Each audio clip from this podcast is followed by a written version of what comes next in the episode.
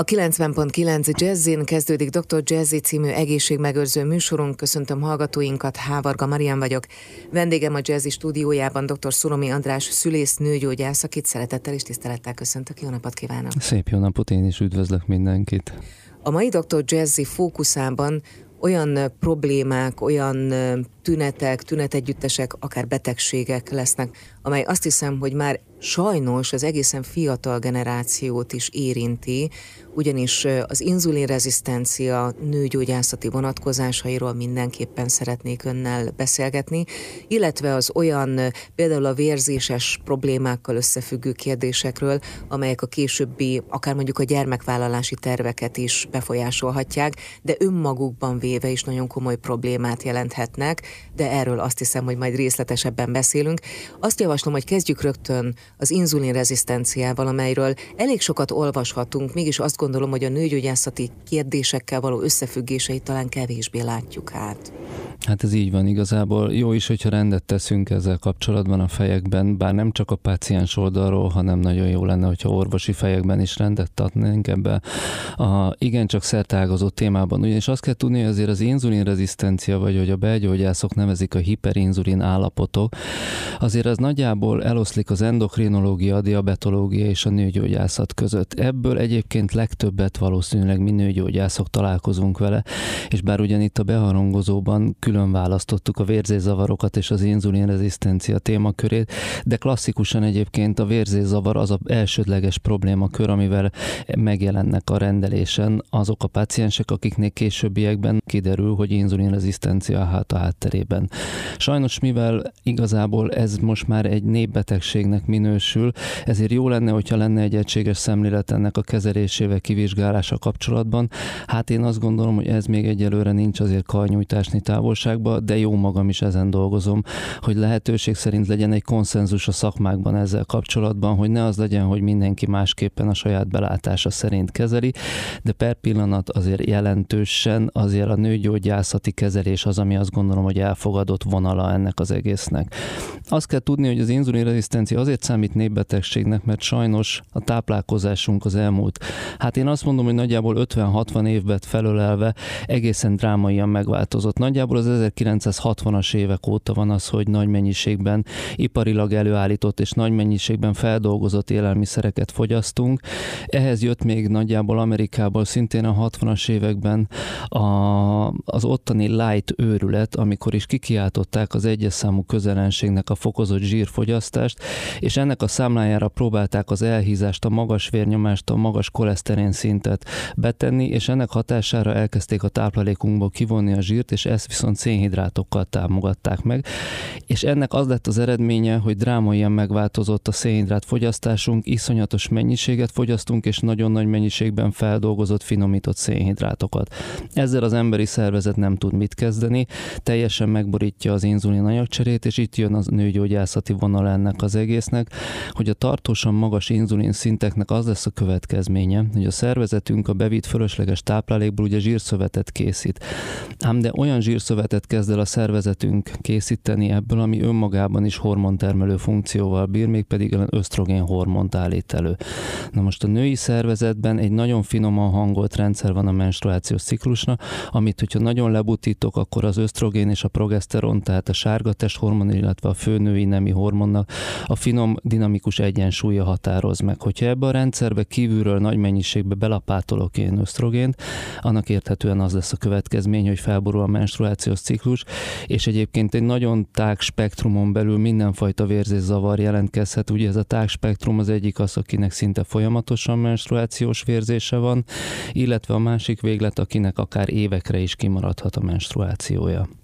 Múlt héten a Dr. Jazzy vendége volt professzor dr. Lakatos Péter, ugye november a prostatarák elleni küzdelem hónapja, és nagyon hasonló dolgokat mondott professzor úr is, azaz, hogy az orvostechnológiai fejlődés elképesztő üteme mellett is meg kell állapítani, hogy sokkal inkább az életmód az, az étkezési szokások, a mozgásszegény életmód, pszichés tényezők azok, amelyek például a férfi egészséget ilyen drámai módon befolyásolják. Ha jól értem a szavait, akkor párhuzamos párhuzamosan megy a férfi és női egészség romlása ilyen szempontból a civilizációs dolgok miatt. Abszolút, tehát semmi meglepő nincsen, hogy a férfi szervezetet is egyébként a hormonháztartása irányítja. Én mindig azt szoktam mondani, hogy a hormonháztartást egy kicsit úgy kell elképzelnünk a szervezetünkben, mint egy szimfonikus zenekarban a karmester.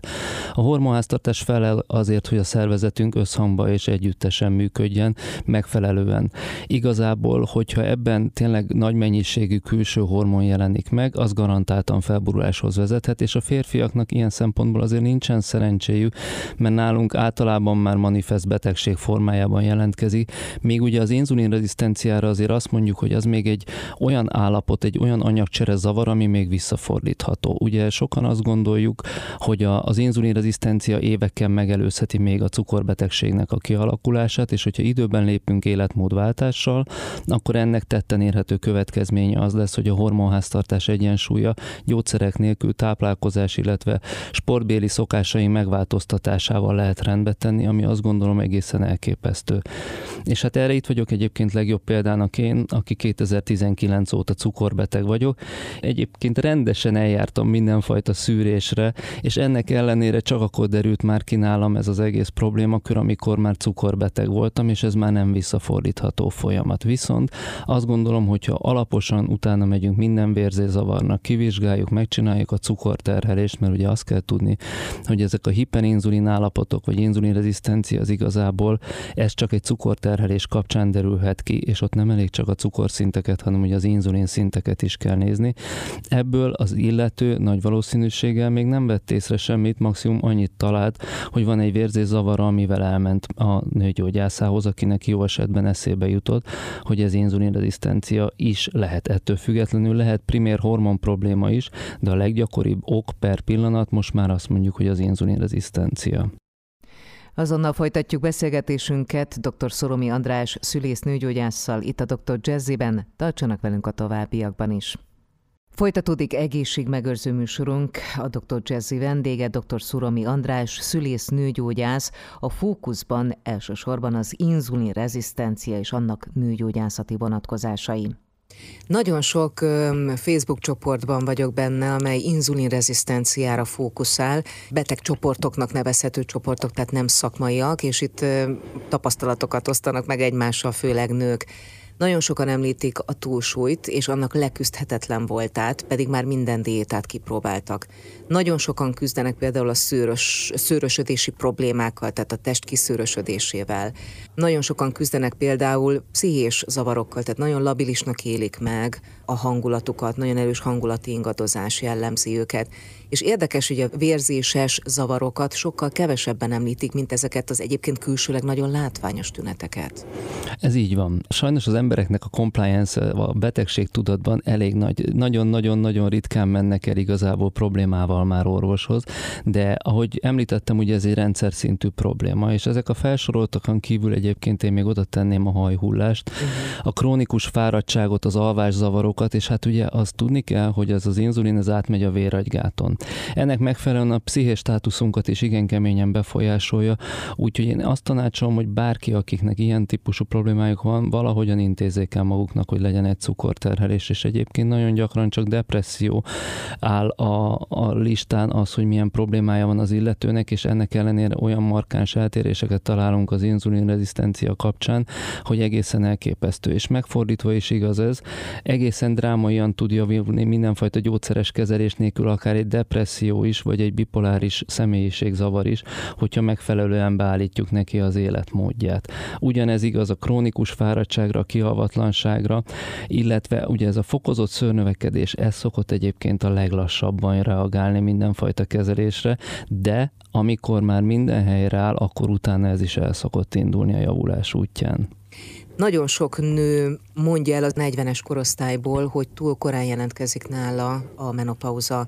Olvastam erről néhány cikket, hogy pontosan a, a civilizációs ártalmak miatt, meg a stressz miatt ez egyre erőteljesebben csúszik egyre fiatalabb generációkhoz. De valójában összefüggést találhatunk-e ilyen módon az inzulinrezisztencia és a korai menopauza között? Abszolút. Hát igazából ebben azt kell tudni, hogy azért a táplálékunkkal nem csak fokozott mennyiségű szénhidrátot viszünk be, hanem rengeteg olyan úgynevezett endogén diszruptort, olyan vegyületeket viszünk be, amik a szervezetünkben úgy reagálnak, mint hogyha hormonok lennének.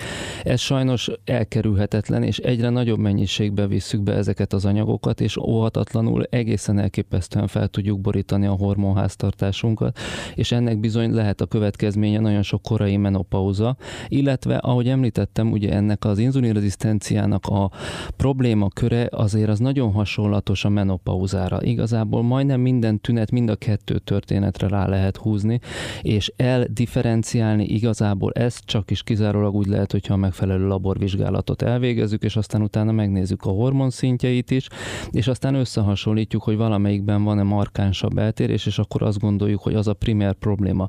De mind a kettő között van átfedés, tehát igazából mind a kettőt érdemes kezelni. Doktor úr, van egy téma itt, ami szerintem tabu téma, és ez pedig a gyógyszeres beavatkozás.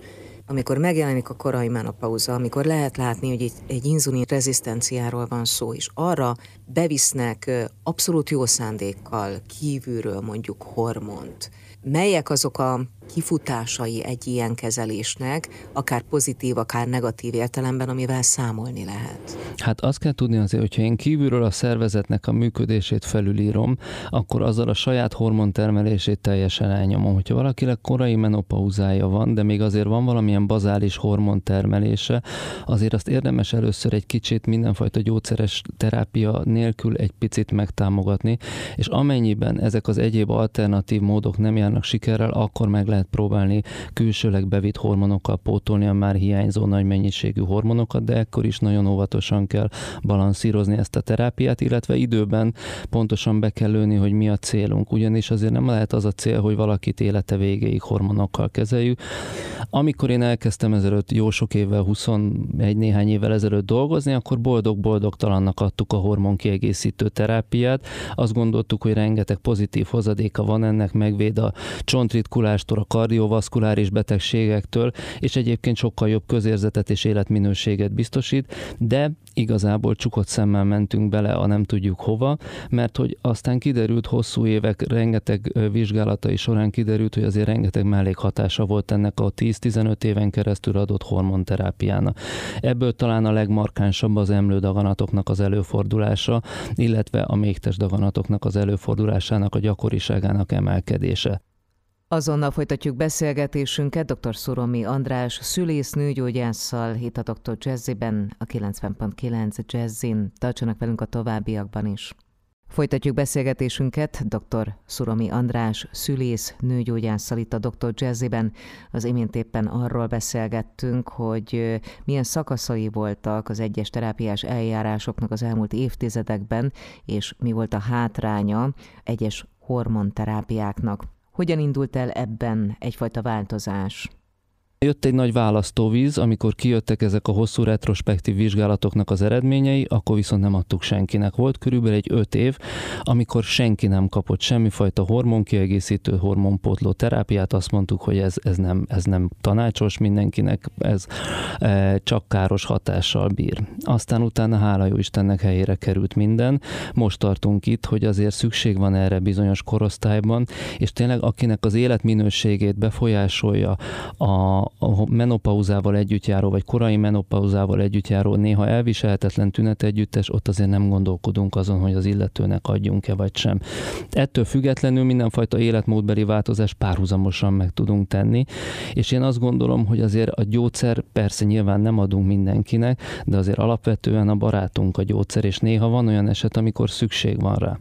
Elképesztő fejlődés tapasztalható orvostechnológiai szempontból is, a diagnosztikai eszközök szempontjából is, a terápiás lehetőségek szempontjából is. Vannak-e most olyan világtrendek, ha fogalmazhatok így, nőgyógyászati, vagy akár szülészeti szempontból, amelyeket nagyon jó, hogyha itthon is tudnak, ismernek, alkalmaznak az orvosok, és természetesen elfogadják a páciensek is? Hát igazából ugye, ami most zajlik az egészségügyben, az egyrészt a diagnosztikának az őrületes fejlődése, hála jó Istennek az ultrahang technikák olyan elképesztő fokot ütnek már meg, amiről én mondjuk 20 évvel ezelőtt még álmodni sem mertem volna.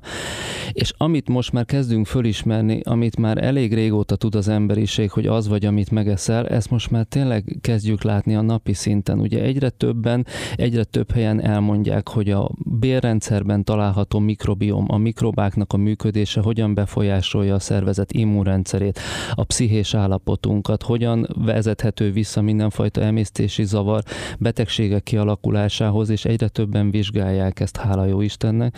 És hát én azt tudom mondani, hogy lassan, de biztosan eljutunk oda, ahova az egyiptomi orvosok már 5000 évvel ezelőtt eljutottak.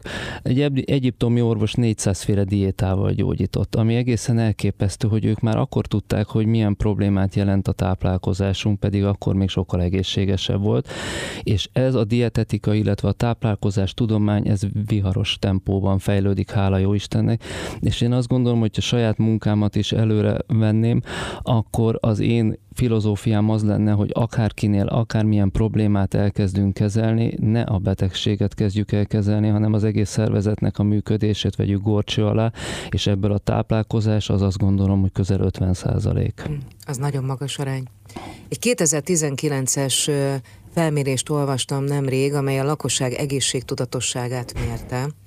Itt megállapították, amit szerintem mindenki magától is tud, hogy a férfiak az utolsó pillanatban fordulnak, bármilyen szakrendelésről is van szó, az utolsó pillanatban fordulnak orvoshoz, amikor már fáj, amikor már tünetel, amikor már benne van egy folyamatban.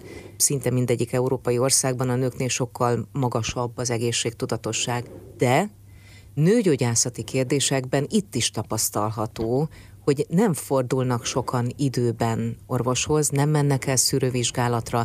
Vajon mi lehet az az önvéleménye szerint, ami miatt nem mennek el mondjuk évente a nők, menopauza idején gondolom, hogy ez különösen fontos lenne, de előtte is. Hát mindenképpen előtte is fontos lenne, tehát a menopauza ilyen szempontból nem egy kivételezett állapot, előtte pont annyira fontos eljárni a szűrővizsgálatokra. Hát egészen elképesztő nekem volt alkalmam részt venni egy ilyen felmérésben, ami nem volt egy reprezentatív felmérés, csak Budapesten végeztük ezelőtt tíz évvel, és azt vizsgáltuk, hogy vajon miért nem mennek el mammográfiára a hölgyek, és igazából a legmeglepőbb az tényleg az volt, hogy az első számú, hogy miért nem mennek el, azt jelölték meg, hogy időhiányában, tehát hogy a hm. család és a munka mellett nem jut rá idő, meg hogy túl sokat kell várni a szakrendeléseken, ebben mondjuk van igazság, de hála jó Istennek ebbe azért lényeges fejlődés volt az elmúlt tíz évben. A második viszont az attól való félelem, hogy kiderül az, hogy van valami probléma. És ezen nem tudunk változtatni. És azóta is Magyarországon ez a második ok, amiért nem mennek el az emberek szűrővizsgálatra, mert attól félnek, hogy kiderül valamilyen probléma. Ami azt gondolom, hogy egy népnevelési eh, hozzáállást kéne, hogy változtat változtasson bennünk. Igazából ugye a szűrővizsgálatoknak pontosan az lenne a lényege, hogy még abban a stádiumban kiderüljön bármi nemű probléma, amikor még gyógykezelhető. És az emberek fejében kéne rendet tenni, hogy igazából az, hogy kiderül egy probléma, az nem egyenlő a halálos ítéletünkkel, hanem egy lehetőséget adna a gyógyulásra. Innen folytatjuk hamarosan beszélgetésünket a dr. Jazziben, dr. Szuromi András, szülész nőgyógyásszal a 90.9 Jazzin. A fókuszban elsősorban az inzulinrezisztencia és annak nőgyógyászati vonatkozásai. Ez továbbra is egészségmegőrző műsorunk, a dr. Jazzy vendége, dr. Szuromi András, szülész nőgyógyász. Vannak még olyan tipikus nőgyógyászati problémák, mint például a ciszta vagy a mióma, hol vannak a testben ezek a ciszták, amelyek a nőknél nagy problémát okozhatnak? Hát ugye lassan népbetegségé válik mindenfajta petefészek cisztának az előfordulása, és ezen belül sajnos azt látjuk, hogy egyre többet találkozunk úgynevezett csokoládé cisztával, vagy endometriózissal, aminek igazából az etiológiája, a kiindulása az nem ismert. Per pillanat fogalmunk sincs, hogy miért következik be. Arról van szó, hogy a méhnyálkahártyának bizonyos sejtjei elvándorolnak a méh üregéből, megtelepednek bárhol máshol, ebből a leggyakoribb hely az a petefészek, és úgy ugyanaz a ciklus megy végbe, tehát minden hónapban vérzés keletkezik, csak az nem tud kiürülni. A külvilág felé és egy ilyen sötét masszát tartalmazó úgynevezett csokoládéciszta alakul ki, ami sajnos nagyon-nagyon komoly panaszokat tud okozni. Egyrészt őrületes fájdalmat okoz, másrészt összenövéseket okoz a környezetében, és ebből kifolyólag ugye előbb-utóbb meddőség is bekövetkezik. És én amikor elkezdtem dolgozni jó régen, akkor azért néha-néha találtunk egy endometriotikus cisztát manapság. Én azt gondolom, hogy minden héten találunk egészen elképesztő mennyiségű endometriózist, és ez biztosan ugyanígy visszavezethető valószínűleg a táplálkozásunkra, mert hogy az elmúlt száz évben vagy 50 évben, attól függ, hogy honnan közelítünk, ez az egyetlen, ami igazán az emberiség életében változott, és a táplálkozással bevitt méreganyagoknak a mennyisége. Említettük még itt a miomát is. Miomáknak a kialakulásáról is igazából valami keveset tudunk, ugyanazt gondoljuk arról is, mint a cisztákról is, hogy valószínűleg azért a hormonháztartás egyensúlyának megborulása a szerepet játszik, és ugyanígy ez az ösztrogén túlsúlyos állapot vezethet a miomáknak a kiindulására, és bizony-bizony ezeknek a száma is elképesztően emelkedik. Tehát azt mondják, hogy egy fertilis korban lévő populációt alapul véve 20% lehet a miomáknak az előfordulása, tehát minden ötödik hölgy érintett 20-tól 60 éves korig bezárólag, ami én azt gondolom, hogy tényleg egy nagyon nagy szám, és sajnos a miomák is olyan típusú problémák, amik azért az illetőnek megkeserítik az életét, hogyha kellő számban vagy rossz hely, elhelyezkedéssel bírnak ezek a miomák, szintén vérzészavart, illetve komoly fájdalmat tudnak okozni, és hát még idáig a beszélgetésben nem említettük, de mind az inzulinrezisztencia, mind a ciszták, illetve a miomák kapcsán ugye a teherbeesés itt az, ami nagyon nagy kérdés. És ezek mind nehezítik a teherbeesést, illetve a terhességnek a kiviselését is nagyban befolyásolják, és sajnos azt kell, hogy mondjam, hogy manapság sajnos egyre később vállalkoznak a hölgyek a gyermekvállalása, és egyre kevesebb gyereket szülnek. Ennek az lesz az eredménye, hogy sajnos egyre gyakrabban találkozunk patológiás korképekkel, és bizony az inzulinrezisztencia, a ciszták, a miómák, azok nagyon-nagyon gyakran műtétket kell, hogy eredményezzenek a teherbeesés szempontjából, pedig hogyha korábban észrevettük volna, akkor, ahogy említettem, akár egy életmódváltással is meg lehetett volna előzni ezt. Az endometriózis kapcsán és a műtét kapcsán jutott most eszembe, hogy a műtét mennyire megosztja a pacienseket is, de egyébként szerintem a szakorvosokat is. Van az a csoport, aki mindenképpen a műtétet javasolja, és van az a csoport, aki azt mondja, hogy meg lehet műteni az endometriózist, de fél év múlva újból megjelennek a tünetek, két éven belül újból műtétre várhat a, a, az illető hölgy. Tehát akkor most mi volt az eredménye ennek a műtéti eljárásnak, azon kívül, hogy ugye vannak kockázatai is ön szerint van-e arany középút? Mindig van arany középút. Tehát igazából én azt gondolom, hogy nincsen fekete meg fehér ebben a történetben. És pontosan, ahogy mondtam, az a legnagyobb probléma, hogy nem tudjuk, hogy mitől alakul ki. Sem a mioma, sem a ciszták, sem az endometriózis. És ennek megfelelően a műtéti terápia az mindig csak egy tüneti terápiának fogható föl, definitív megoldást nem fog találni, mert hogy nem találjuk ennek a kiindulási okát, és mindig maradhatnak vissza olyan mikroszkópikus méhnyálkahártya szigetek, pici e, miomák, amiket nem veszek észre műtét kapcsán, vagy képtelenség eltávolítani, és ahogy nagyon jól megfogalmazta, igazából ezek egy éven, fél éven, vagy pár éven belül újra előjönnek, és általában azt szoktuk látni, hogy minél többször jönnek elő, annál agresszívebben viselkednek. Na most nyilván, hogyha valaki próbálkozik teherbeeséssel, vagy nagy Isten már e, háta mögött van egy pár vetélés, ilyen esetben azért sokat nem szoktunk várakozni azzal, hogy megoperáljuk az illetőt, vagy sem, vagy hogyha az életkorából kifolyólag látjuk, hogy közeledik az az időpont, amikor a spontán teherbeesés valószínűsége elkezd csökkenni, ez olyan 40-42 évnél van, akkor ezeket a problémákat nem nézhetjük már tovább, akkor ezt mindenképpen műtétileg meg kell oldani, hiszen van rajtunk egy nyomás, ez az időnek a szorítása. Egyébként ugye akik nagyon szeretnek operálni, nyilván mindent meg akarnak operálni. Van ilyen orvos, nincs ezzel semmi gond. Van az ellentéte is, aki semmit nem akar megoperálni. Valahol az arany középút nyilván az lenne, hogy mindenki a terápiás palettának minden színét használja ahhoz, hogy egy szép képet feshessen, de nem várható el senkitől az, hogy mindenhez értsen. Ezért van az, hogy mindenki specializálódik valamire, és azt gondolom, hogy az az én felelősségem, aki hozzám fordul, hogy én meglátom-e azt, hogy neki mire van szükség szüksége, és nem feltétlenül mindenkinek arra van szüksége, amit én tudok adni, de tudnom kell, hogy mikor kell elküldenem. Én például olyan orvos vagyok, aki ritkán operál, és nem minden műtét típus tudok tökéletesen. Ennek megfelelően, hogyha az műtétre van szükség, és speciális műtétre, akkor mindenkit elküldök specialistához, és azt gondolom, hogy az az én felelősségem, hogy megfelelő időben és a megfelelő helyre küldjem el. Innen folytatjuk hamarosan beszélgetésünket dr. Szoromi András szülész nőgyógyásszal a Dr. Jazziben a 90.9 Jazzin. Folytatódik egészségmegőrző műsorunk a Dr. Jazzy vendége, dr. Szoromi András szülész nőgyógyász. Volt az imént egy nagyon érdekes félmondata, ez is egy szerintem tabu kérdés Magyarországon is, meg globálisan is, úgy fogalmazott, hogy 40-42 évesen már csökken a teherbeesésnek a valószínűsége, és ennek számtalan oka lehet, meg egy természetes öregedési folyamat is nyilván. Elképesztő vitákat vált ki a 40 fölött gyereket vállaló nők helyzete. Én beszélgettem egy olyan szakemberrel, aki azt mondta, hogy egy egészséges női test 55 éves korig nyugodtan képes lenne egy babát vállalni, kihordani, egészségesen is megszülni. Mit gondol erről? Teljes mértékben egyetértek. Tehát igazából a jelen társadalom az nagyon könnyen pálcát tör bárki feje fölött, és valóban ez a hozzáállás, hogy 40 fölött már ne vállaljon senki gyereket. Én ezzel maximálisan szembe megyek. Én azt gondolom ugyanígy, hogy a női test egyébként alkalmas erre. Amit említettem, ez a 40-42 év, ugye ez egy statisztikai valószínűség, de az ember az nem statisztika. Ennyit mond el a statisztika, hogy 42 évnél elkezd csökkenni a spontán teherbeesési ráta, addig nagyjából konstans. De szó sincs arról, hogy képtelen lenne. Nekem is számtalan páciensem van, akik 45 fölött estek teherbe, és ezzel semmi gond nincsen. Ugye azt kell tudni, hogy egyébként attól, hogy csökken a spontán teherbeesési ráta, attól még én nyugodtan teherbe esetek.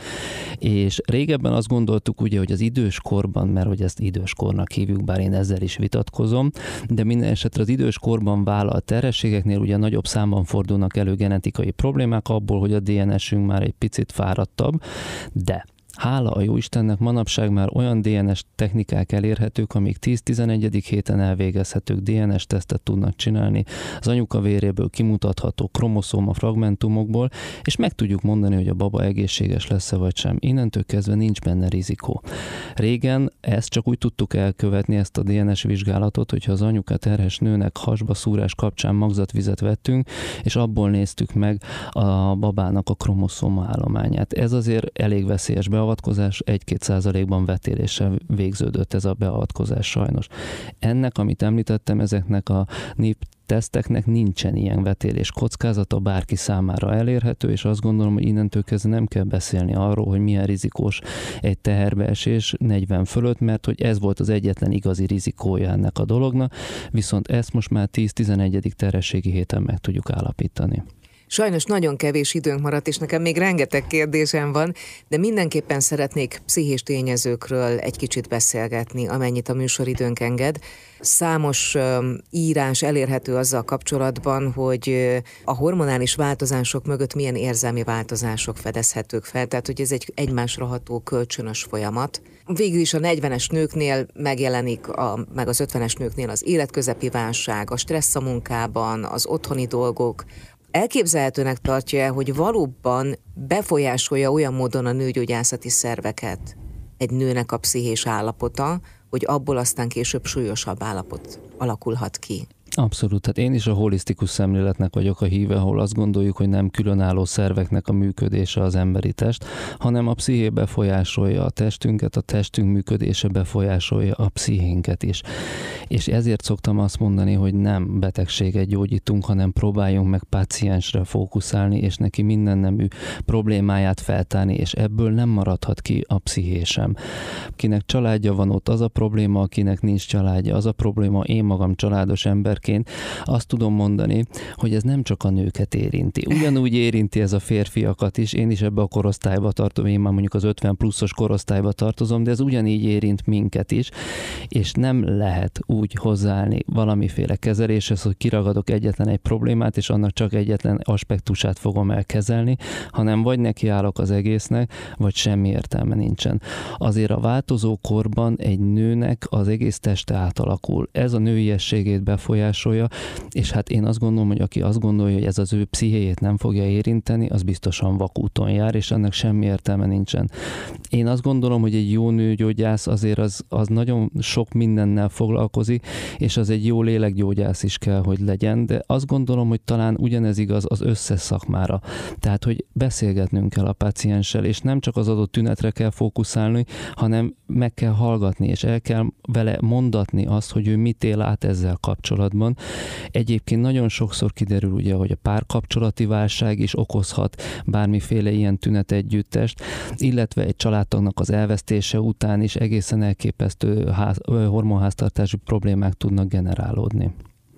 Doktor úr, az ön másik, vagy sok specialitása közül a másik a háborítatlan szülés, és nagyon reménykedem benne, hogy találkozhatunk majd itt a Jazzy stúdiójában, amikor a háborítatlan szülésről beszélgethetünk, de akkor visszatérve a mai beszélgetésünk fókuszpontjához, azaz az inzulinrezisztenciához, mi az a röviden összefoglalható protokoll, amelyet érdemes betartani, tehát hogyha valaki észlel magán bármilyen tünetet, mi legyen az első lépés, és hogy épülhet ez fel egészen a gyógyulási útig.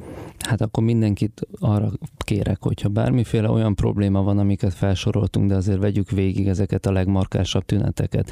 Klasszikusan a vérzészavarral indítunk, aztán utána testsúly problémák, fogyási képtelenségek, hirtelen hízások, illetve hajhullás, fokozott szörnövekedés, illetve amit említettem, teherbeesési nehezítettség, illetve vetélések a háttérben, azoknak mindenképpen az az első választandó út, hogy menjenek el egy három pontos cukorterhelésre, amikor megnézzük a vércukor és inzulin szinteket, és az összes többi kivizsgálást ezt kövesse majd.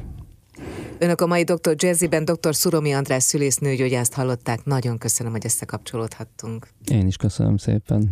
Önöknek pedig megköszönöm megtisztelő figyelmüket, mára búcsúzik a szerkesztő műsorvezető Hávarga Marian.